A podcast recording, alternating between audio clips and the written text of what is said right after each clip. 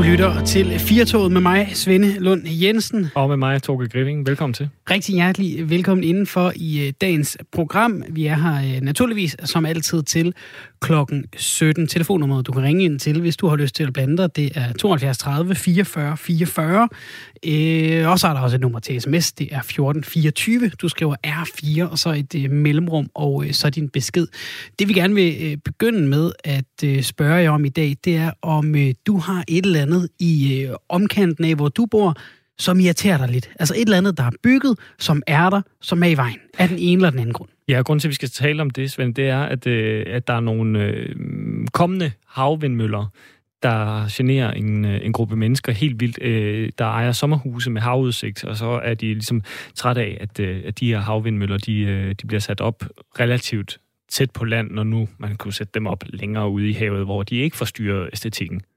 Om lige om lidt i øh, programmet, så skal vi tale med øh, formanden for foreningen, der øh, går efter at få stoppet det her havvindmøllebyggeri. Derfor vil vi altså gerne høre fra jer. Har du et eller andet, øh, når du kigger ud af dit øh, stuevindue, når du sidder ude i din have og nyder en øh, stille og rolig aften på terrassen? Er der et eller andet, der forstyrrer? Er der noget, der larmer for øh, øjne eller ører eller duft, eller hvad det nu måtte være?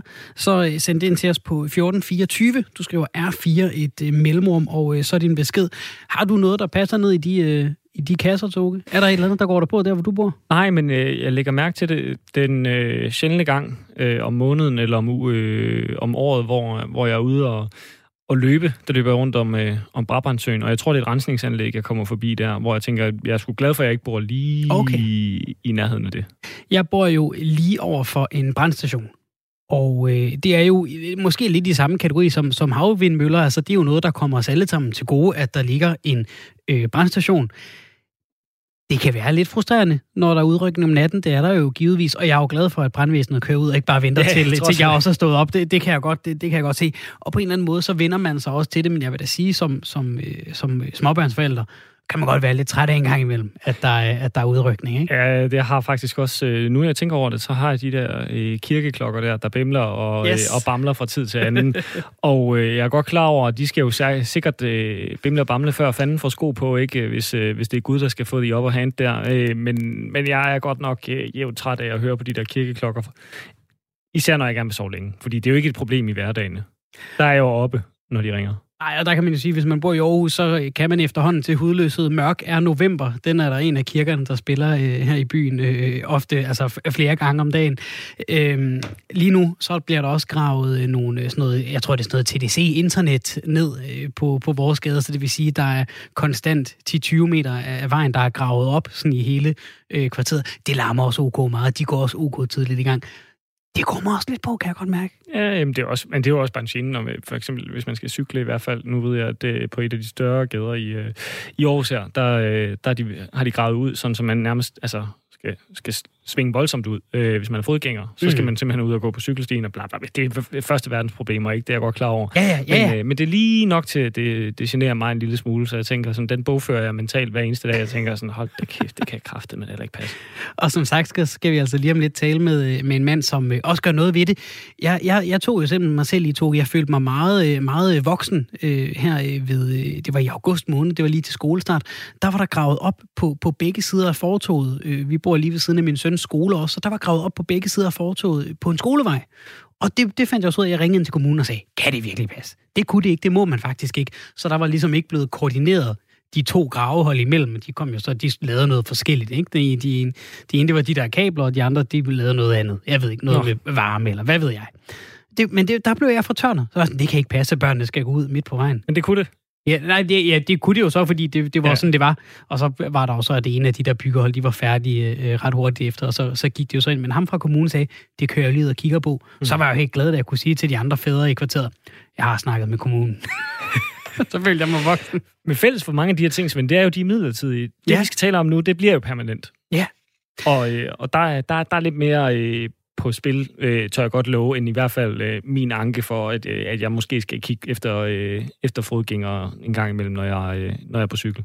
Vi dykker ned i det om et øh, kort øjeblik. Husk, at øh, du også lige kan melde ind med, øh, hvad der øh, irriterer, øh, generer dig der, hvor du bor. Det må gerne være øh, irrationelt, det må gerne være øh, noget, du bare går irriteret over, selvom du godt kan se det, det, alme, det almengyldige formål i et øh, rensningsanlæg, eller en øh, brandstation, eller en øh, havvindmølle. Du kan skrive ind til øh, 1424, du skriver R4, et mellemrum, og øh, så er din besked. Det har Bjarke fra Vestjylland gjort. Det er en kontroversiel en, den her. Han siger, jeg bor ved siden af en minkfarm, som jeg nok godt kan blive ret så træt af, men det var jo nok ikke så længe før de er væk, og det har han jo øh, på en eller anden måde øh, nok øh, desværre for minkfarmen ret nogle af minkene, man kan jo så, man, man kan sige, spekulere i, hvorvidt nogle af minkfarmene overlever mm. i hvert fald. Men minken er væk. Velkommen til dagens program. Klima er øh, på dagsordenen mere end nogensinde. Vi diskuterer elbiler, CO2-reduktioner og bæredygtige, bæredygtige løsninger som aldrig før. En af de løsninger, der skal gøre os til en endnu mere grøn og bæredygtig nation, det er flere vindmølleparker. Sådan en skal der efter planen opføres i Jammerland Bugt ved Kalundborg. Det drejer sig konkret om en havvindmøllepark bestående af omkring 40 vindmøller, der fra øh, 2023 skal levere strøm til 200.000 husstande, det skriver TV2 East.dk. Og det lyder da egentlig meget godt med sådan en vindmøllepark, der kan levere grøn energi, bare ikke for en række lokale sommerhusejere i området, der er imod, at den her havvindmøllepark skal opføres. Det er foreningen Beskyt Jammerland Bugt, der lige nu kæmper øh, mod opsætningen af de her havvindmøller i området. Nu skal vi tale med formanden for foreningen for at høre, hvad problemet egentlig er. Ole Nyvold, velkommen til programmet. Tak skal du have. Og du er som sagt formand for foreningen Beskyt Jammerland Bugt. Hvorfor øh, skal der ikke ligge en havvindmøllepark i Jammerland Bugt? Ja, altså lige siden, at, øh, at vi stiftede foreningen, der har vi kæmpet hårdt for at få én ting gennemført. Og det er at få fornuften tilbage i vores energipolitik og i vores klimadebat. Og det er ganske enkelt ufornuftigt at placere en havmøllepark i de indre danske farvande. Øh, havmølleparker siger øh, ordet, øh, de hører hjemme ude på havet, øh, der hvor det blæser rigtig meget. Og øh, vi kan få langt bedre klimaregnskab ud af at placere de her havmølleparker ude til havs, frem for at placere dem i de indre danske farvande. Men øh, hvad er det, jeres øh, forening, øh, Ole Nyvold, konkret gør for, at den her planlagte øh, havmøllepark ikke bliver til noget så? Jamen, vi arbejder øh, i forhold til øh, mølleopstilleren og i forhold til Energistyrelsen, der er dem, der skal godkende, at der skal etableres en havmøllepark. Der arbejder vi hårdt for, at de nødvendige hensyn, der skal tages til naturværdierne og til naturen, at de rent faktisk også tages. Og i denne her sammenhæng, øh, der er det sådan, at øh, øh, specielt Jammerland Bugt er et øh, tilholdssted for en fælles nordeuropæisk fugle, trækfuglebestand øh, af, af æderfugle. Og øh, de her æderfugle, de opholder sig altså i vintermånederne i Ammerland Bugt, og de spiser lystigt af de øh, øh, blåmuslinger, som, øh, som findes på bunden i, øh, i netop det farvand. Og her har man så tænkt sig at sætte nogle gigantiske havvindmøller, øh, og ikke alene nogle få, men 40 havvindmøller op i en lille lukket bugt. Og det mener vi ganske enkelt er, er uforstandigt, og det er uforståeligt, at man vil gøre det. Så det, øh, vi kæmper hårdt for at få et ordentligt beslutningsgrundlag for Energistyrelsen til at træffe en beslutning om, hvorvidt der skal øh, gives en etableringstilladelse. Og vi kæmper hårdt for at få de her havmøller ud og stå ude på øh, det egentlige hav i Nordsøen, frem for at sætte det i det indre danske farvand. Nu nævner du den her øh, æderfugl, øh, men den er jo faktisk ikke øh, troet i Danmark, så er det nødvendigt med et, øh, med et hensyn til den? Altså nu bærer du så en historie videre, som Jonathan Spang han havde op i, øh, i tæt på sandheden. Og faktisk er det sådan, at det er en fælles nordeuropæisk race af æderfugle, og de optræder, de er rødlistede af EU, og de er omfattet af EU's fuglebeskyttelsesdirektiv og derfor er det en troet fugleart. Og, men, men der øh, står jo, at den ikke er troet i Danmark. Der står, at den er næsten troet på global plan, den er ikke troet i Danmark. Den, den æderfugleart er truet i Danmark, og den er rødlistet på EU, og det er et fælles europæisk ansvar, som vi har for at opretholde bestanden af æderfugle. Og det har, de har været i kraftig tilbagegang i, øh, gennem de sidste 20-25 år. Og nu vil man så sørge for, at de kommer endnu mere i tilbagegang. Ikke så meget, fordi fuglene de flyver ind i, øh, i øh, møllevingerne, men mere fordi man fortrænger dem fra deres spisekammer, som så tilfældigvis er i, uh, i Jammerland Bugt, men det ligger også nede ved Omø Syd, nede i Smålandsfarvandet. Og det kæmper vi imod. Hvis vi lige øh, holder øh, fuglen ud i den, i den ene hånd, så vil jeg godt lige øh, vende tilbage til et andet argument mod de her havvindmøller. Det er, at det vil spolere havudsigten og, og sandsynligvis også måske nedsætte værdien på, på mange af de her sommerhus. Er det også en af bevæggrundene for jer, Ole? Ja, altså det kan jeg da ikke afvise. Det er en af bevæggrunden. Det er jo de samlede naturværdier. Det er et område, der har været anvendt rekreativt igennem mange, mange generationer. Og det øh, vil man nu konvertere til at være et industriområde. Og det er blandt andet Kalamborg Kommune, der er gået voldsomt i bræschen for, at det ikke skal ske. De er jo modstandere. Det er en enig kommunalbestyrelse i Kalamborg, der er modstandere af den her havmøllepark. Og det er blandt andet af hensyn til de visuelle gener. Så hvis jeg spørger lidt frækt, så handler det her ikke om, at, at I øh, sidder som sommerhusejer og tænker, gud nej, tænk på udsigten, og så har I fundet ud af det her med æderfuglen øh, efterfølgende og tænkt, ah, det lyder også nej. godt, det bruger vi også. Det, der er essensen af det her, det er, at hvis man læser den pressemeddelelse, som European Energy de udsendte i, uh, i fredags om, at de nu ansøger om etableringstilladelse på 560 megawatt, hav, uh, megawatt havvind, nemlig i Jammerland Bugt og i Værmø Syd. Det er de to parker til sammen. Og der skriver de så i deres pressemeddelelse, at man vil kunne forsyne mere end 500.000 husstande med grøn strøm, og så vil man kunne spare CO2-udledninger svarende til 750.000 ton. Hvis man nu i sammen med, med lytterne øh, gør det tankeeksperiment, at man tog de her to mølleparker med fuldstændig identiske møller og satte ud i Nordsøen, så i stedet for at spare øh, 750.000 tons CO2, så vil vi spare 844.000 tons. I stedet for at forsyne 500.000 husstande med grøn strøm, så vil vi kunne forsyne 562.500 husstande med, med grøn strøm. Og det er det, vi kalder god fornuft og sund fornuft. Så de skal ud og stå ude på, øh, på, på det store hav hvor de ikke generer nogen overhovedet, hvor de ikke er i konflikt med naturen.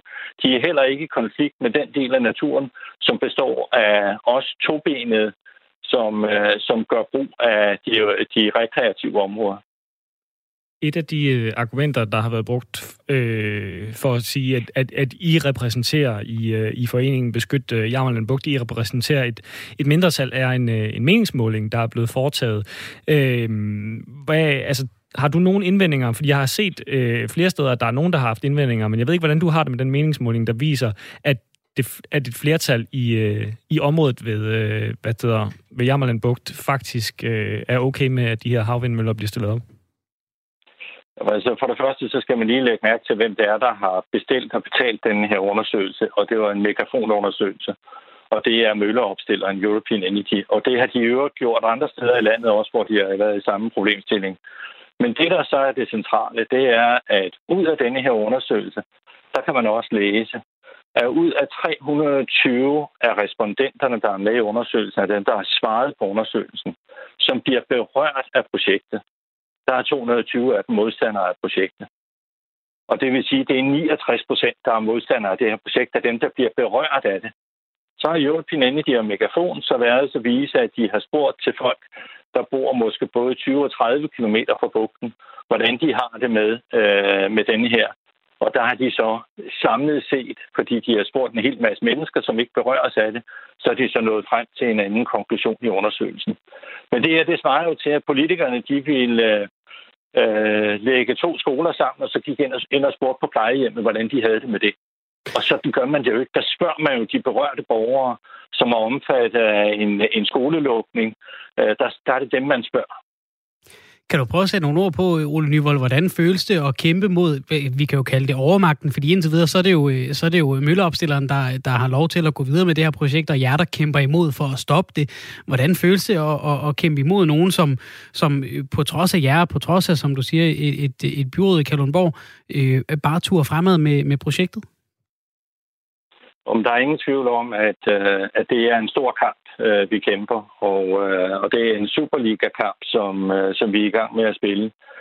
Øh, og det er, det er ikke et nemt øh, stykke arbejde, fordi alene det materiale, som har været anvendt i sagen her, som har været inde omkring, øh, omkring Energistyrelsen til, til vurdering, øh, det er jo altså et, et sagsmateriale, der omfatter mere end 2.000 A4-sider.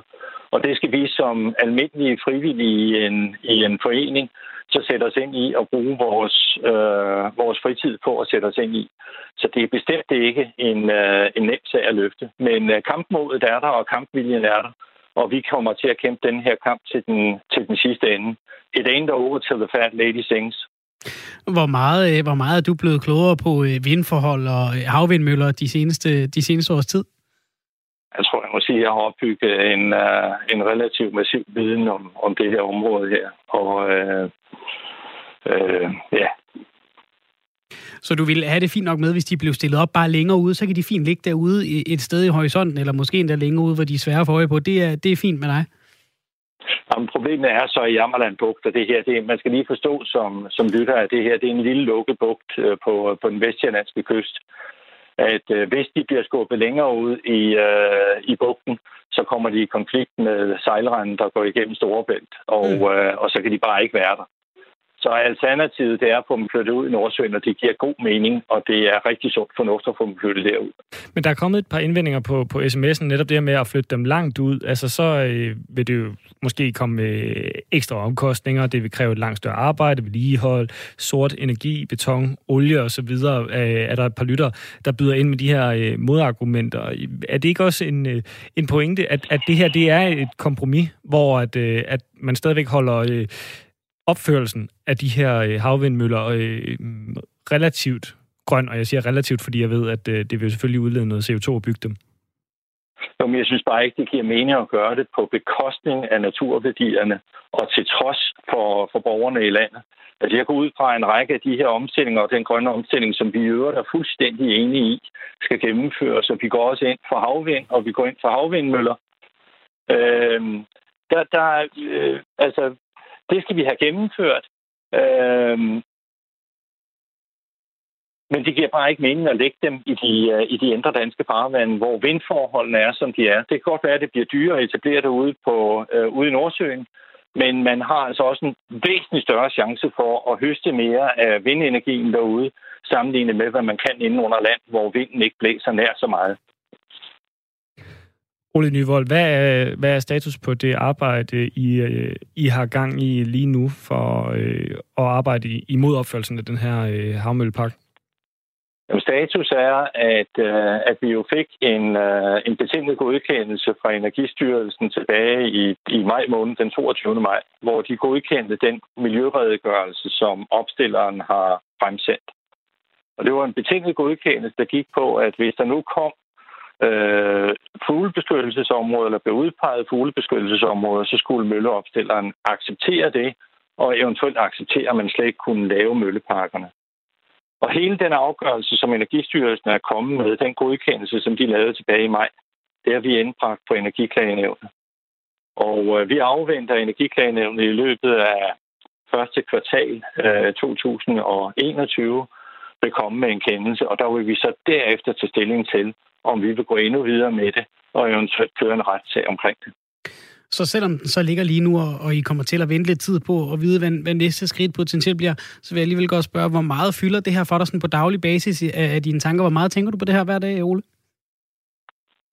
Øh, det varierer noget. Det afhænger lidt af, hvad der, hvad der sker i omverdenen, og hvor meget der bliver diskuteret. Det er selvfølgelig klart, at op til en generalforsamling, som vi havde i lørdags, at der fylder det mere, end, øh, end det gør øh, til, øh, til hverdag. Men øh, der bliver brugt lidt tid på det. Du skal have tusind tak, Ole Nyvold, formand for øh, Foreningen Beskyt Jammerland Bugt, for at være med her og øh, tale lidt om jeres kamp mod havvindmøller i Jammerland Bugt. Selv tak da. Og vi kan lige øh, runde nogle af de øh, sms'er, der kommer. Der er en, der skriver her, øh, som øh, for jeg fornemmer kunne øh, godt være øh, på øh, Ole Nyvolds hold. Det handler også om miljøpåvirkning og ikke kun udsigt med havvindmøller. Stop havvindmøllerne. Så skriver Janus, vi har jo spurgt øh, Toge, hvad man ellers har i, øh, i øh, sit øh, lokalområde, der, der kan genere lidt. Der er en, der skriver, hej, fire tog, jeg bor på Vesterbro, og for enden af Istegade har de bygget et højhus på Carlsberggrunden, som så spærrer for den i forvejen sparsomme sol her på Stenbroen. En vaskeægte øjenbæ brun og firkantet med venlig hilsen Janus. Og så har øh, Pernille skrevet ind, ved mit barndomshjem flyttede der en politiker ind og fik det gjort sådan, at der ikke måtte bygges vindmøller i området. Hun fik også reddet en bygning ned, min far havde bygget for en nabo. Den var grøn og lå gemt af træer, men nej, ned skulle den. Nu bor jeg ved en skov, og det mest irriterende er et busstoppested, hvor der står en børnehave af en gang om ugen. Heldigvis er det inden for vandballonkaste afstand med venlig hilsen Pernille. Ej, det er nærmest øh, den perfekte storm. Ja, så kan man jo så kan man fylde det med varmt vand her i de kolde måneder, ikke? Oh, så er det ikke helt så slemt. Så øh, kan man lige hjælpe den lidt på vej, hvis der lige kommer uh, sådan en, en gang lunken vand ned i flyverdragten. Det, jo, jo. det hjælper lidt. Det øh, var altså et øh, lille kig på, øh, på havvindmøller. Det er jo, øh, det er jo, en, en, det er jo en stor debat, Tog, og det er også derfor, vi tog fat i det, ikke? Øh, netop som, som vi spurgte øh, Ole Nyvold om.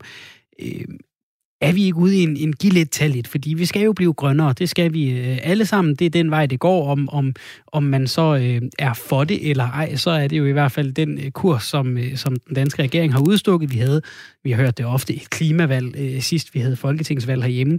Øh, vi vil gerne være et grønt forgangsland, øh, og, og vindmøller er noget, vi er gode til herhjemme, så, øh, så det er jo meget den vej, det går. Så, så kan det jo godt være, at man som sommerhusejer, nu siger Ole så godt nok, det ikke er det, der betyder det hele, altså for eksempel udsigt og så videre, men vi må nok, øh, mange af os lære at leve med, og så kommer der et eller andet op, øh, tæt på os, som, som fylder lidt i landskabet, øh, men som vi jo må lære at leve med. Det, når, når jeg siger vi, så mener jeg jo ikke sådan en som mig, der bor inde midt i byen. Det er jo typisk dem, der bor i yderområderne og har øh, lidt mere glæde af naturen, end, end sådan en som mig. Så jeg, det er jo nemt for mig at sidde og sige, at vi alle sammen skal give og tage lidt, når ja, der ikke bliver smækket en havnvind. Og det bliver vel være med at stå i vejen for fremskridtet, ikke? Ja, ja. Og, altså, fordi hvis man skulle vente rundt, ikke? Og så sige, jamen altså, havde det her været for, ja, hvor, hvor mange år siden man nu byggede store sådan, øh, hvad skal man sige, øh, kulkraftværker for eksempel. Ja.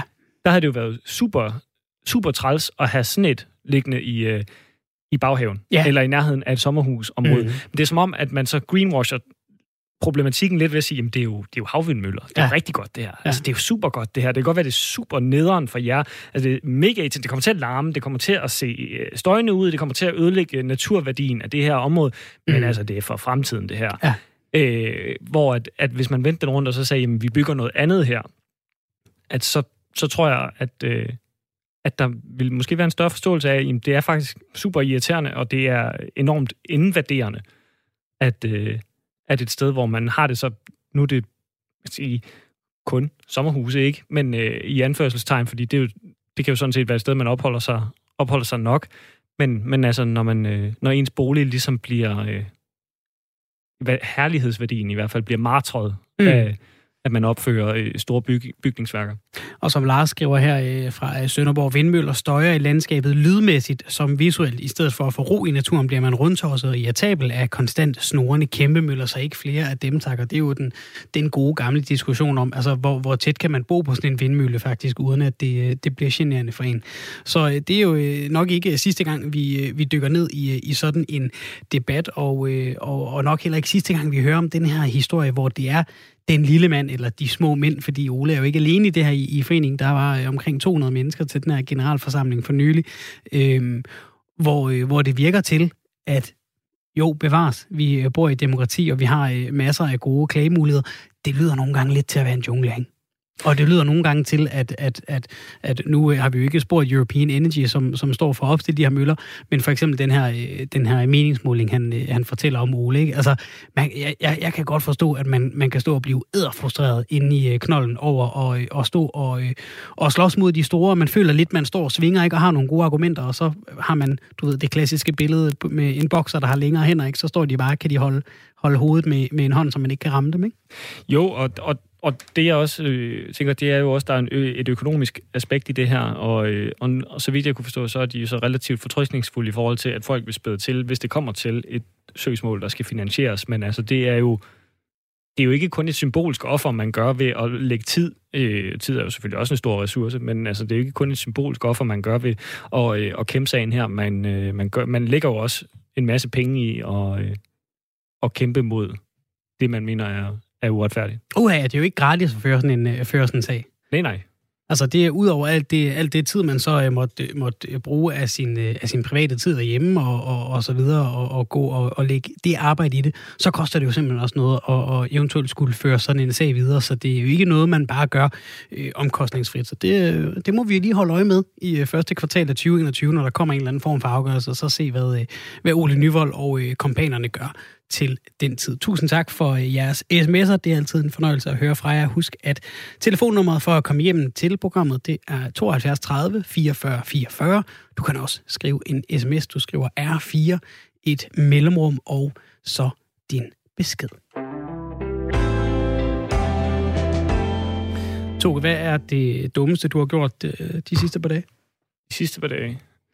Øh... Ja, det er jo nok mange, mangel på selvindsigt, ikke? At, øh, at jeg slet ikke kan komme på noget. Det, det skulle være, det, kan det skulle være det vildt, hvis jeg var, øh, hvis jeg var så øh, ufejlbarlig. Oh. Det er fordi, jeg vil se, om du kan stikke min søn på syv. Okay, så kom med din søn på syv. Så må jeg se, om jeg kan... Vi var ude og øh, gå en aftentur i går. Det regnede, det var vådt. Vi øh, skulle lige runde øh, McDonald's på vej hjem for at øh, købe en Happy Meal til aftensmad. Ja, døm mig alt det, du vil. Øh, så øh, tager vi mundbind på. Det skal man jo, når man går ind på en, en restaurant. Øh, vi er på vej ud igen. Vi skal egentlig skynde os lidt hjem. Det regnede rigtig meget øh, i går aftes, så øh, jeg var egentlig klar til, lad os komme hjem.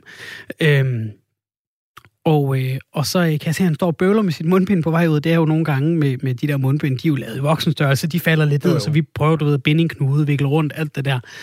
Øh, det står, han, han, jeg kan se, at han står og bøvler lidt med det der mundbind og siger, kom nu, min ven, ikke? Altså, nu prøv at stå stille med munden, fordi det er også, fordi han står, sådan, står og åbner og lukker munden, og så falder det jo af til sidst. Ja, det er klart. Så siger han, nej, det er ikke det.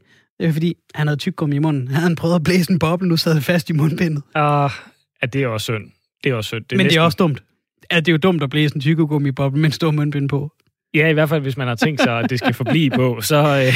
Og dog ikke, fordi altså, det bliver jo, han har jo på en eller anden måde så fået sat det fast. Altså, nu er det jo på en eller anden måde sværere for Åh, oh, ja, det er sådan en form for elefantsen også, og ja. det tjener som. Ja. ja. Organisk. Eller ej, jeg tror ikke tykkegummi er så organisk. Egentlig. Nej, nej, og jeg, jeg, og jeg tror, nu snakker vi meget om øh, påvirkning i miljøet af de her mundbind. Jeg tror, jeg, jeg tror det var en, en fin idé at få både smidt uh, tykkegummi og, og mundbind ud lige bagefter. En af de øh, historier og, og debatter, der fylder rigtig meget lige nu, når man tænder for tv'et og åbner for en avis, det er den store MeToo-debat. Det fylder også meget, når, når man taler med venner og kolleger. Det synes jeg i hvert fald, det gør for mig, så derfor fylder det også meget her i programmet. Altså det, det er over det hele øh, for tiden.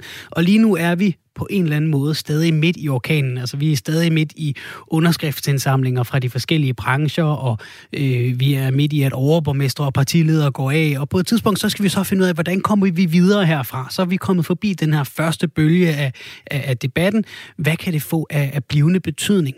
Og det er ikke første gang, vi øh, taler om mænd. I en del år, så har vi øh, talt om en afvikling af manderollen, altså en overgang til blødere værdier, hvor mænd øh, kunne ende med at blive helt i tvivl om, hvordan og hvem hvem de skulle være. Og den aktuelle debat, den peger så ud over øh, de her magtstrukturer, vi snakker meget om, ja, den peger meget ind i, hvordan mænd så opfører sig. Svend Å. Madsen, velkommen til øh, programmet. Tak skal du have. Du er psykolog og også ofte kaldt mandeforsker. Hvis vi skal tale helt generelt, hvad sker der med mænd, når det er vores opførsel, der kommer under lup på den måde, som den gør lige nu? Ja, det er jo, på, på det her område er det jo noget, kan man jo sige, at de har, mænd har gået og lusket det i meget lang tid, og partier og foreninger og virksomheder har gået og lusket med ret meget. Så jeg vil sige, at jeg oplever, at, altså, at mændene er meget, meget øh, uforberedte på, hvad, hvad skal man egentlig overhovedet i den her situation? Og nogen siger, kan det hele bare lige klares med og sige undskyld, og så går vi videre og lader som ingenting, og øh, det får altså mere dramatiske vilkår, end de havde forestillet, eller omstændigheder, end de havde forestillet sig, og konsekvenser. Så man kan vel sige, at det her det er endnu en ny bane, som mændene skal ud og være på, som de ikke har været på øh, så meget tidligere. Mænd har selvfølgelig tidligere været under anklage for vold mod kvinder og, og, og, og andre øh, hvad skal man sige, undertrykkelsesting. Men lige her på det seksuelle område er det jo meget nyt, at mændene skal ud og forklare sig og fortælle om det. Så når alt det her det er overstået, og, øh, eller det er det jo ikke, men, men altså, når vi er kommet et skridt videre, som vi snakker om i, i en ny fase, så kan det jo være rigtig, rigtig vigtigt. Hvad, hvad kommer mænd også til at lære af det her? Hvad kommer mænd og kvinder i deres relationer til at lære om det her? Og det tror jeg kan blive rigtig, rigtig frugtbart og, og, og give mange, mange nye muligheder. Men det er jo en omstilling af, af, af dimensioner, øh, skal jeg love for. Når du siger mænd, øh, eller når vi siger øh, mænd her, øh, Svend Aage Madsen, så giver det i mig, fordi at, øh, at så sidder jeg allerede og tænker sådan, nå, så bliver der skudt med spredehavl. Øh, men men, ja, men, men, men hvordan er reaktionerne? Altså, hvordan lever vi med, med de her øh, forandringer og, øh, og ryg, både som køn, men også som samfund? Men det er godt, du siger det der, fordi det øverste, jeg har skrevet på min tid herinde, jeg skulle snakke med jer det var at sige, nu skal vi jo huske, det er jo ikke alle mænd, der laver sexovergreb. Det er ikke noget, der ligger i det at være mand. Det er jo noget, som statistisk set ser det ud til, at der er flere mænd, der laver, øh, end, end der er kvinder, der laver mod mænd. Men det er jo også øh, vigtigt at sige, at der findes jo også overgreb mod mænd øh, af seksuel karakter. Jeg så en undersøgelse for nylig, hvor man i HK sagde, at blandt unge mænd var det en femtedel, der oplevede øh, seksuelle krænkelser øh, på deres arbejdsplads. Så det er jo noget, kønnene gør mod hinanden, og statistisk ser det så bare ud til, at, at, at mænd gør det i højere grad mod kvinder, altså at der er flere mænd, der gør det, øh, end, end kvinder, der gør det. Så det er jo ligesom, det er jo rigtig meget noget, som har med os at gøre som køn, men jo også som mennesker generelt, hvordan er det, vi opfører os over for hinanden. Så jeg tror, at, at man skal huske at have det der med, at det ikke er alle mænd, og at der er nogle mænd, øh, der gør meget åbenbart, der er nogen, der er blevet kaldt seriekrænker for nylig, som jo må have nogle, nogle særlige problemstillinger og psykologiske mekanismer, som det kan være vigtigt at kigge på. Mens det at sige på, at det er alle mænd, der er på den måde der, det tror jeg vil være meget, meget forkert. Og det er det, som du kalder med spredhav, det vil jeg også være meget, meget ked af, hvis, hvis det er på den måde, det fungerer. Og, og det er jo en, en rigtig god pointe at få med, Svend Madsen, netop at det ikke er alle mænd, men jeg tror stadig, der er mange mænd, der, det, som det falder for brystet, som føler, jamen der bliver talt om alle os mænd nu, altså den her debat, der, der kører lige nu, altså et, et af de argumenter, som, som jeg ser ofte fremført, det er, jamen må vi så ikke flytte nu, øh, nu bliver det mm. hele så kedeligt. Øh, hvordan, hvordan øh, hvad kan man sige, hvad, hvad kan vi gøre som, som mænd for netop at minde os selv om, jamen okay, det, det er altså ikke os, det handler om, det, det er ikke det, det er ikke os alle sammen, der, der ligesom øh, Frank Jensen og Morten Østergaard har haft svært ved at kende grænserne mellem dit og mit lov, og, og, og naturligvis også de mænd, der, der gør ting, der er meget værre, og som jo er, er, er, er, er forbrydelser, der skal straffes osv. Mm-hmm. Øhm, ja. Hvordan kommer vi hen et sted, hvor, hvor vi ligesom kommer over den der pukkel, hvor vi føler, jamen det er alle mænd, nu er, er det hele under angreb her? Jamen, jeg tror, der, altså, der er flere ting i det. Den ene ting i det, synes jeg er meget parallel med den øh, nye lov, som, som er blevet fremsat, og det, der hedder øh, samtykke til sex. Det tror jeg sådan set er en, en, en af kernetingene i det. Det er den nye voldtægtslov, som handler om, at, at, at øh, man skal have et samtykke. Men det tror jeg sådan set er en virkelig, virkelig vigtig ting, også for mænd. Fordi hele det der med, om man spørger, om den anden også har lyst, det tror jeg bare er en rigtig, rigtig vigtig problemstilling. Også for mænd, fordi ellers får vi jo ligesom et billede af mænd, som siger, at de skulle ligeglade med, om den anden har lyst eller ej, bare de kan få deres tilfredsstillelse. Det er jo en nedgøring af mænd. Så jeg tror, at det der med, at, at mænd og vi som mænd siger, jamen hele det der med samtykke til sex, det er jo simpelthen en, en, en, et kerneomgangsled i det her. Så selvfølgelig må vi flytte, men hvor svært kan det være at sige, har du også lyst? Mm. Og det er jo det, samtykke består i. Og det kunne man sige, det kunne være en, en rigtig god træning for, for, for alle mænd, hvis de, hvis de ikke har prøvet at spørge manden om, om de også har lyst. Og så også, kan man sige, det der med, at det er jo en, en øh, hvad skal vi sige, en almindelig ting i omgang mellem mennesker, uanset om det er mellem kønnene eller inden for kønnene. Det er, at man forholder sig til, hvordan har den anden det egentlig med det, der foregår. Det, vi har sammen, det er både inden for sex og uden for sex. Men hvorfor er det så, at vi strider så meget imod? Altså, nu tænker jeg både på, øh, hvad der, hvis man skal sige, jamen det er både mænd, kvinder, det er jo alle mulige, der siger, at, at det her, det er, det er en pjevset generation, det er finfølende, det er blot en, øh, et, et kindkys, blot en, øh, en hånd på låret, blot et eller andet, jamen, altså ja, kælen med det, en fod på et ben, ja. ja. Jo, det er det, nogen siger, at det er blot det det er jo set fra afsenderens side. Det er, jo, det er jo ikke set fra modtagerens side, og det er, det er jo lige der helt nøgleledet, det ligger, det ligger i, om vi kan komme til at omgås hinanden på måder, hvor vi ikke gør noget, som andre ikke har lyst til. Hvis der er nogen, der kommer og siger, I må alle sammen gerne komme og tage mig på lov, uden jeg har sagt ja til det, så er det selvfølgelig en invitation. Men det har jeg ikke rigtig hørt endnu i de kreds, jeg kommer i hvert fald. Og, og derfor så kan man sige, øh, noget af det værste, der sker, synes jeg lige i øjeblikket, det er, at i samme øjeblik, det der med øh, seksuelle krænkelser, også da MeToo-bevægelsen startede, så var der, inden, inden der var nogen, der havde noget sagt, hold da kæft, er der så mange kvinder, der faktisk bliver udsat for overgreb, så var der så mange, der var med det samme ud at sige, nu bliver alt anklaget, og det er en folkedomstol og alt det her. Og de argumenter er jo, er jo vigtige nok, men jeg synes også, det er en del af det her, at man ligesom tager til sig i første omgang, når det kommer og siger, hold da op, er det så meget? Og det synes jeg, jeg har set inde i Folketinget, det synes jeg, jeg har set i virksomheder og i fagbevægelser og sådan noget. Når nogen læser de der beretninger, så er de faktisk ret chokeret over, at det her det faktisk foregår. Så hvis vi kunne blive lidt ved det et øjeblik og ligesom udforske, hvorfor, hvorfor er det her det, det foregår på den måde, og hvad kan vi gøre ved det, så vi kan komme videre med det. Og så skal vi selvfølgelig holde øje med, at der ikke er nogen, der bliver anklaget, uskyldige, der bliver anklaget, og slet ikke nogen uskyldige, der bliver dømt. Og vi skal sørge for, at, at øh, vi skal finde nogle mekanismer til, at vi kan komme videre med det. Og der er jo alt det der med, at man skal lave nogle regler om, hvordan man kan omgås hinanden. Men jo, og jeg tænker jo også i høj grad, at det som... Nu har jeg arbejdet som klinikchef for Center for Seksuelle Overgreb på Rigshospitalet i mange år. Og, og der er jo nogle af, af kollegerne der, der har udviklet en hel masse om det, de kalder mediering. Altså som handler om det der med, at, at den, der har, er, har været udsat for et overgreb eller en krænkelse, kommer ind i et eller andet trygt forum, hvor man kan snakke sammen med den, der har gjort det, så man kan lære af hinanden og finde ud af, hvad var det, det gjorde ved mig, og hvad var det egentlig, mine intentioner var. Hvad var det, jeg ikke så i, hos, hos dig, når du faktisk ikke havde lyst til det, og øh, jeg havde jo bare tænkt mig at gøre sådan. Alt den der forskellige slags ting, hvor man kan komme til at fortælle hinanden om, hvad det er, der foregår, det tror jeg kan være virkelig gode måder at komme videre på, som både mænd og kvinder kan komme til at lære af, hvis man kan snakke om det på et i et trygt rum.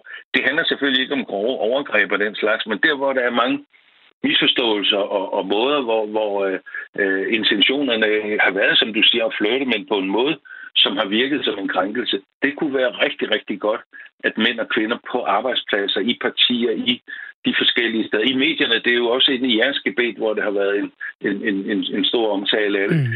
at, at man der kan ligesom bruge det redskab, der hedder mediering, og, og snakke om, øh, hvordan kan vi Øh, komme videre herfra, når vi nu har haft de her oplevelser. Og hvordan øh, adresserer man så øh, for eksempel dem, der måtte mene, at, at der sker et, øh, et angreb på den måde, vi omgås på socialt. Altså, sådan, det, det er vel, altså, der må vel også være noget legitimitet i den opfattelse. Så kan det jo godt være, at, at, at vi skal ændre på det, men, men det, det kan jo stadigvæk godt stå øh, nogle mennesker, der føler, at man bliver, bliver angrebet på, på den måde, man har været vant til at, at omgås hinanden.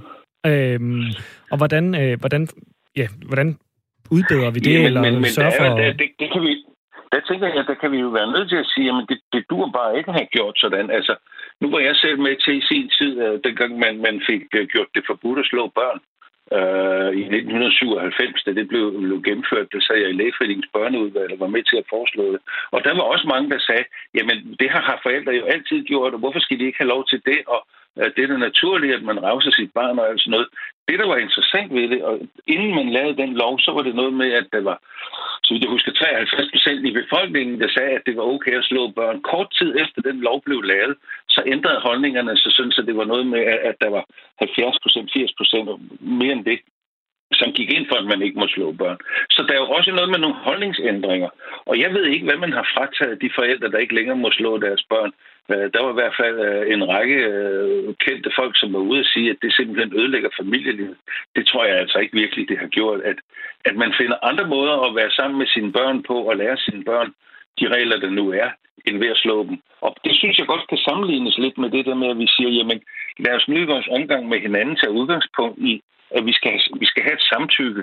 Vi skal være fælles og enige om det, vi gør. Øh, hvor slemt kan det være? Øh, det har jeg i hvert fald svært ved at se. Og netop det der med at prøve at blive fælles om, hvad vi gør, altså hvor meget bliver det besværet af øh, de ting. Lad os sige, at, at debatten er, er som øh, bolden i sådan en pinballspil, og så bliver den hele tiden skudt i den ene eller den anden retning, alt afhængig af, hvad der sker. Så Morten Østergaard har taget Lotte Rod på låret, så øh, snakker vi om, øh, hvorfor sagde hun ikke øh, fra, hvorfor sagde hun ikke noget før, vi snakker om, herregud, det er en hånd på låret. Så har vi Frank Jensen, han sagde i, i sin øh, tale til, på pressemødet, altså dagen før han går af, så siger han, at han har været en del af en kultur, han skal holde op med, for eksempel at fortælle blondinevidigheder. Men det er jo ikke derfor, at Frank Jensen han er nødt til at gå af. Så vi bliver hele tiden på en eller anden måde sendt i en ny retning i debatten. Hvordan kommer vi ind til kernen og snakker om det, du i hvert fald mener er vigtigt, at, at, at tale om det fælles her?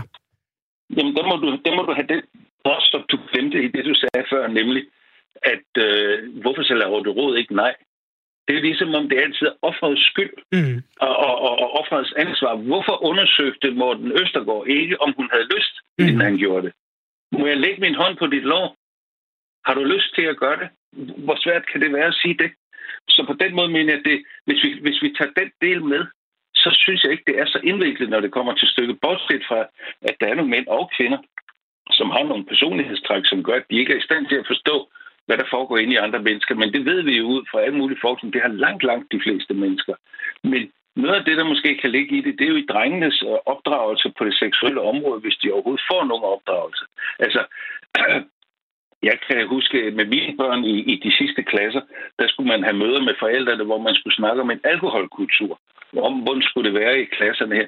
Men der mm. var jo ikke nogen som helst, der aldrig snakkede om, hvor, hvad for en sexkultur kunne man have? Hvad ved drengene om, hvad pigerne gerne vil, og hvordan finder de ud af, om en pige gerne vil, og omvendt, hvad ved pigerne om, hvad drengene gerne vil? Og der tror jeg bare, at vi har et, altså et samfundsbehov for ligesom at, at, at, at gøre gør det, hvad skal vi sige, en del af den dialog, vi har mellem hinanden, mellem kønnene og mellem voksne og børn, til, til en del af det liv, vi har. Fordi hvis vi ikke gør det, så, så lærer drengene jo ikke noget af det her heller. For bare at vide, at det er forkert, det de gør. Hvornår giver det så... aldersmæssigt mening at begynde på den øh, øh, snak med vores børn og unge? Og det tror jeg, det gør midt, midt i skoletiden, når man begynder at snakke om, Øh, øh, sex, og hvordan får man børn og alt Jeg kan ikke huske, hvornår det er, det starter i skolen med sådan noget seksuelle. Jeg tror, det er vigtigt, at forældrene de snakker om, at der findes dejlig sex her i verden, og det kan man have med sig selv, og hvis man skal have det med andre, er det rigtig godt, hvis man sørger for, at den anden også har lyst til det, og prøver at finde ud af det. Og her har vi nogle idéer til det. For eksempel, hvor svært er det at spørge om vores lyst. Så vi skal ikke øh, ned og, og, og fortælle vores øh, børnehavebørn, at øh, de øh, skal have samtykke for at øh, kysse en, en, en, en af kammeraterne eller veninderne nede i, i, bør, nede i børnehaven. Altså, vi, vi skal også ligesom øh, tage det, når det giver mening. Ja, plus at, at, at, at, at det er jo ikke kun på det seksuelle område, vi skal finde ud af, om den anden også er med på det, vi gør. Det gælder jo alting, og det tror jeg er en vigtig del af børnehavebørn. Man ved sådan ud i psykologisk forskning, at, at mennesket omkring 4-5 års alderen bliver i stand til at sætte sig ind i, hvad foregår der inde i det andet menneske? Hvordan er, hvis man ser det fra den anden side? Det er en del af, af, af den naturlige udvikling. Og når der kommer en periode, hvor, hvor det udvikler sig på den måde, kan man sige, at, at man begynder at forstå den anden, så får man en grund, hvad skal man sige, en grundting i livet, der handler om, at når vi omgås andre, så prøver vi, at det er sådan noget, vi kalder mentalisering inden for psykologien, altså at forstå, hvad, hvad, hvad, hvad, hvad for en, en tilstand ligger der bag, når den anden gør sådan og sådan og sådan? Hvordan har han det eller hun det? Og det er jo noget, som børnehørebørn også meget gerne må lære en hel masse af. Og så er det lige så let at overføre det til det seksuelle. Men det seksuelle har selvfølgelig en særlig, et særligt ting, ikke? Og, og, og det der med, om, altså, at, at nogle drenge måske får den der, at det hele handler bare om selv at få udløsning og tilfredsstillelse. Øh, det er jo det, man skal hjælpe dem til at finde ud af, at, at det, man kan godt have god sex, uden det bare lige kun handler om dig. Mm. Og det tror jeg er, er ikke noget, som jeg tror, de rigtig, rigtig mange drenge vil blive fantastisk glade for mm. at opleve det her og finde ud af det. Men, men der er nok ikke ret mange, der tager fat i dem og giver dem en, en, en opdragelse og en vejledning og guidance på det område. Og der er nok også mange piger, der vil være glade for, hvis drengene kommer frem til den øh, erkendelse. Må jeg prøve at spørge her til sidst, øh, Svend Madsen, hvad kan vi gøre for, at debatter, der handler om køn, bliver mindre kønnet i, hvordan vi taler om det og, og til hinanden i de debatter? Fordi jeg synes ofte, det virker til, at der er en indbygget konflikt, som nogle gange blokerer for, at vi taler om substansen og taler pænt til hinanden, i hvert fald ja. når vi mødes på internettet om det. Jeg tror, at, at noget af det, som er vigtigt, det er jo, at, at vi har nogle data, vi, vi også tager udgangspunkt i. Når vi siger det der med for eksempel vold mod kvinder, at det er jo rigtigt, at der er flere kvinder, der bliver udsat for vold. Man siger, at det er nogle af 30.000 om året. Men der er også 13.000 mænd om året, der bliver udsat for, for vold i, i nære relationer i partnerskabet.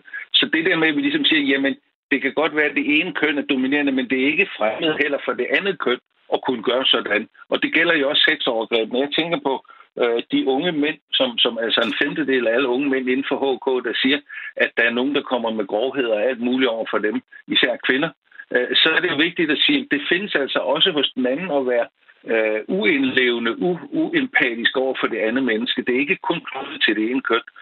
Og så kan vi sige, hvorfor findes det mest hos det ene køn, og det er en hel masse drengeopdragelser og billeder af mænd og sådan noget, men det findes også hos det andet køn, og derfor så er det også noget almindeligt menneskeligt, vi har med at gøre. Og det tror jeg bare er rigtig vigtigt fra, fra den ene ende til den anden, fra det seksuelle, fra alt mulig uligestilling og, og, og, og øh, undertrykkelse og alt sådan noget, at, at det findes hos begge køn. Men der er nogle traditioner, vi har, som gør, at det i visse sammenhæng er det ene køn, der er det mere dominerende end det andet. Svend Madsen, øh, psykolog, du skal have tusind tak for at være med her. Velbekomme. Det var en fornøjelse at tale med dig. I lige måde. Hej. Hej. Toge, vi er øh, sidst i øh, oktober. Vi har øh, snakket om det tidligere her programmet. Øh, pebernødderne er rullet ud i øh, butikkerne. Ja. Øh, der er, ja, mine sønner jeg gik forbi en bus den anden dag, hvor der stod jul i friheden. Det er jo fordi, der naturligvis øh, også fejres jul i Tivoli Friheden igen i år. Jeg sige, at der er ikke meget frihed over... Øh Danmark i øjeblikket. det har du ret i. Det kan være, at øh, det skal hedde Tivoli restriktioner. Men min søn blev helt forvirret. Han var sådan, jul, vi har ikke engang... Er der ikke Halloween i Tivoli Friheden? Jo, jo, det er der også. De er bare begyndt at reklamere ja, ja. for det allerede nu. Det tager bare en præmatur reklame der. Noget, der øh, hører sig til øh, juletiden i øh, Danmark, det er jo julefrokoster. Vi fik en mail i går aftes fra vores arbejde om, at nu var det ved at være julefrokosttid, vi vil rigtig gerne mødes. Derfor meld ind på en af de her fire datoer. Vi fik sådan en lille online spørgeskema. Meld ind, hvilke dage du kan. Det var en mandag, tirsdag, onsdag og en torsdag, fordi man kan jo kun være ude til 22 alligevel, så på en eller anden måde, så kan vi jo nok godt komme på arbejde dagen efter, fordi det netop ikke fortsætter ud til de, til de sene timer. øh, så fik vi en mail i morges om, øh, den er aflyst, simpelthen. Og øh, der var vi jo lidt øh, på forkant hos os øh, i forhold til øh, det, Mette Frederiksen har meldt ud her til eftermiddag, nemlig at vi må indstille os på, at det altså ikke bliver øh, den traditionelle julefrokostsæson i år. Hun har øh, sagt, at øh, coronaen er tilbage, det har vi kunnet se på dagens smittetal, og de kommer til at indføre yderligere restriktioner. Det er blandt andet sådan noget som forsamlingsforbud, som regeringen sidder og arbejder med. Hun vil ikke ind i detaljerne omkring de her nye indgreb, indtil regeringen er helt klar til at melde ud. Det kommer til at ske inden for de kommende dage, men der er endnu ikke sat tidspunkt på, så vi kan alle sammen sidde og ryste i bukserne indtil da. Det skriver Ekstrabladet. Ikke det med at ryste i bukserne, det var mig selv, der tilføjede Der har jeg altså bare en lille bøn til, til os danskere som, øh, som samfund. Kan vi ikke blive fri fra Zoom-julefrokoster? Ja. altså, jeg skal ikke... Juleøl er ringe nok, når man drikker dem i social lag. Jeg har ikke brug for at sidde derhjemme og så spise en eller anden altså skive ribbensteg, jeg har købt og varmet et eller andet sted, fordi jeg er for doven til at, at lave min, øh, min julemad selv, og så sidde ja. og, øh, og, og, og sutte på i sådan en øh, kold julebajer der. Altså selv når den er kold, er den jo ringe, synes jeg. Så er der zoom-snaps? Ja, ja, også det. Og det er jo, det er jo også forfærdelig, en forfærdelig oplevelse, synes jeg, at drikke, drikke snaps. Og så er der nogen, der siger, at drikker du slet ikke noget til julefrokoster? Jo, jamen, jeg kan godt lide at drikke øl, men jeg kan ikke så godt lide juleøl. Så, så, så, så, så det vil bare være fri for det arrangement. Jeg synes, det var slemt nok at skulle igennem øh, forår- og sommerperioden, hvor at, øh, at vi drak vino ja. på Zoom. I øvrigt, så skal vino bare... Altså, det skal tage en båd og et skib, og øh, det skal tage samtlige transportmidler øh, ud af den her verden som udtryk. Man drikker vin. Ja. Så det var ligesom... Det var, det, det var, var en helt, lige, det var aside, ja.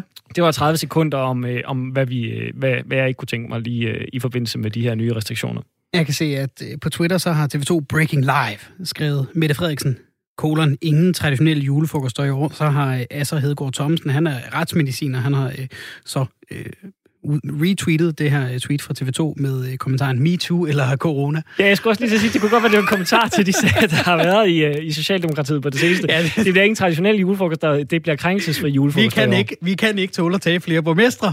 Vi er nødt til at aflyse alle. Slut. Det er jo simpelthen, det er jo ikke utænkeligt, Toge, at uh, altså, der, er jo, der er jo meget snak om, vi, vi talte i går med, med uh, formand for Dansk Live, som var en af medunderskriverne på, på det her uh, brev, uh, som er sendt fra, uh, fra flere forskellige brancheorganisationer og, og aktører øh, som opfordring til regeringen. Øh, hallo, øh, vi vil gerne have folk ud i oplevelsesindustrien igen. Øh, hvad er de sundhedsmæssige overvejelser omkring de restriktioner i forsvar? Er det, er det politik, eller er det sundhedsmæssigt?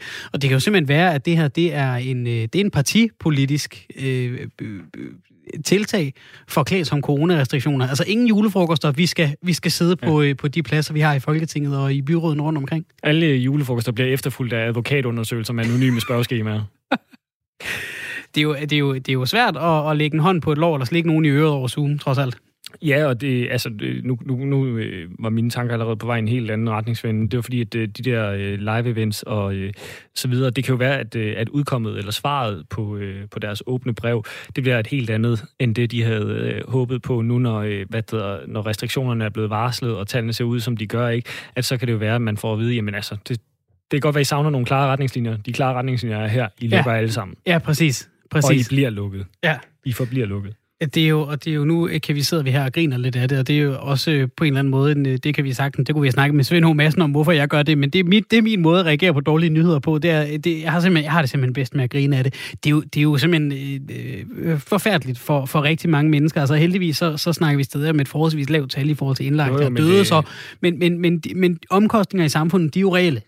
Det er bartender, der bliver lejet ud til julefrokoster, det er catering, det er, jamen altså, og så, og så er vi ikke engang gået, taget hul på, øh, på nattelivsaktører og, øh, og andet, der kan blive yderligere ramt af, hvad der nu måtte komme. Det er også det, vi står her, og vi ved jo ikke rigtigt, hvad der, hvad der kommer. Vi ved, der kommer mere, mm. fordi nu har Mette Frederiksen sagt, at der kommer mere, men vi ved ikke hvad. Apropos det her med julefrokoster på, på Zoom, og om man så kan... Øh kan ind i en MeToo-sag eller ej. Har du hørt om den sag fra CNN for, for ganske nylig? De har en journalist ansat, der hedder Jeffrey Tubin. Ja, og, øh, og jeg synes faktisk, altså, jeg synes lige nu, for, for god undskyld, så kan vi jo lige opsummere. Lad os lige op, opsummere, hvad, hvad handler det om? Ja, og det, der sker jo det, at Jeffrey, han tror, at han, øh, er han på et Zoom, Teams, et eller andet videoopkald, mm. gruppeopkald, hvor han tror, at han har slukket for den. Ja, der er pause, og han tror, han har slukket for mikrofon og kamera. Og det har han ikke. Nej. Det har han simpelthen ikke. Og hvad var det så, han kom til at gøre? Jamen, så kom han jo vist lidt til at øh, behage sig selv, som man siger. Øh, han onanerede simpelthen på et øh, Zoom-møde. Ja, men det, det, altså det, det, jeg synes faktisk, at, øh, at, at det er problematisk, at der går moraliserende i det. Altså sådan, fordi det, det, det, det, det, det, det er komisk, ikke? Og det er dumt, og det er alle de der ting. Men altså, der var pause i mødet. Ja, det så hvis han bare havde slukket, så havde det jo ikke været... Altså, det er jo ikke, altså, det, det, er jo det, det er jo ikke et overgreb på nogen. Altså, det kan jo selvfølgelig godt være, at der er nogen, der har opfattet det som et overgreb, at man skulle være vidne ja, til det. Ja. Men det er jo ikke bevidst. Altså, sådan, det er flot og alt det der, mm. og han har undskyldt. Og, ja. men, men, men, men det, jeg synes, der var problematisk, det var faktisk, at han i USA blev udsat for en masse altså, fordømmelse. Ja. Fordi han har jo dybest set ikke gjort andet end men hvad igen, mange mennesker gør en gang imellem. Oh, no, men igen, og, og det er jo fint, selve akten er jo faktisk okay, men, men, men man er måske ude i, altså potentielt så, nu er det jo en, en ny virkelighed med, med, med den digitale måde, og, og vi, vi, vi fører mange af de her ting på. Det er jo en, altså han, han, må, han må simpelthen komme over i, i, i blottelses øh, paragrafen her, ikke? Altså, fordi hvis du går ned på gaden og jo, gør det, teknisk, så, selvom, så selvom det er noget, du, vi alle sammen gør en gang imellem øh, derhjemme, så må du ikke bare gå ned på, øh, på pakkelige her i Aarhus og gøre Nej, men er det egentlig blufærdighedskrænkelse, hvis øh, man er på privat område? Altså, hvis, hvis du nu stod i, og var splitter hans hjørne i et vindue? Ja. Det ved jeg faktisk ikke. Øh, fordi at, altså, så kan du godt stå herinde, altså ikke lige i radiostudiet, mm. hvis du boede på en høj etage, hvor folk i princippet kunne kigge ind fra gaden, og du stod der og var, som du var født, mm.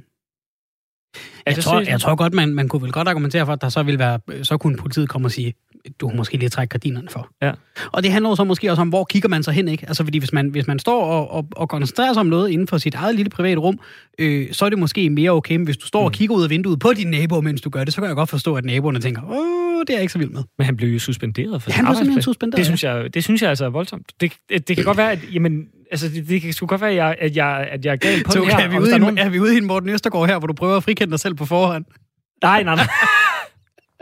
Nej. Øh, vi mødes jo også på Zoom hver dag. Det er også det, og du ved jo slet ikke, hvad der går galt, når jeg, går der, hvad der går ned, når jeg har trukket øh, hvad hedder, de digitale gardiner for.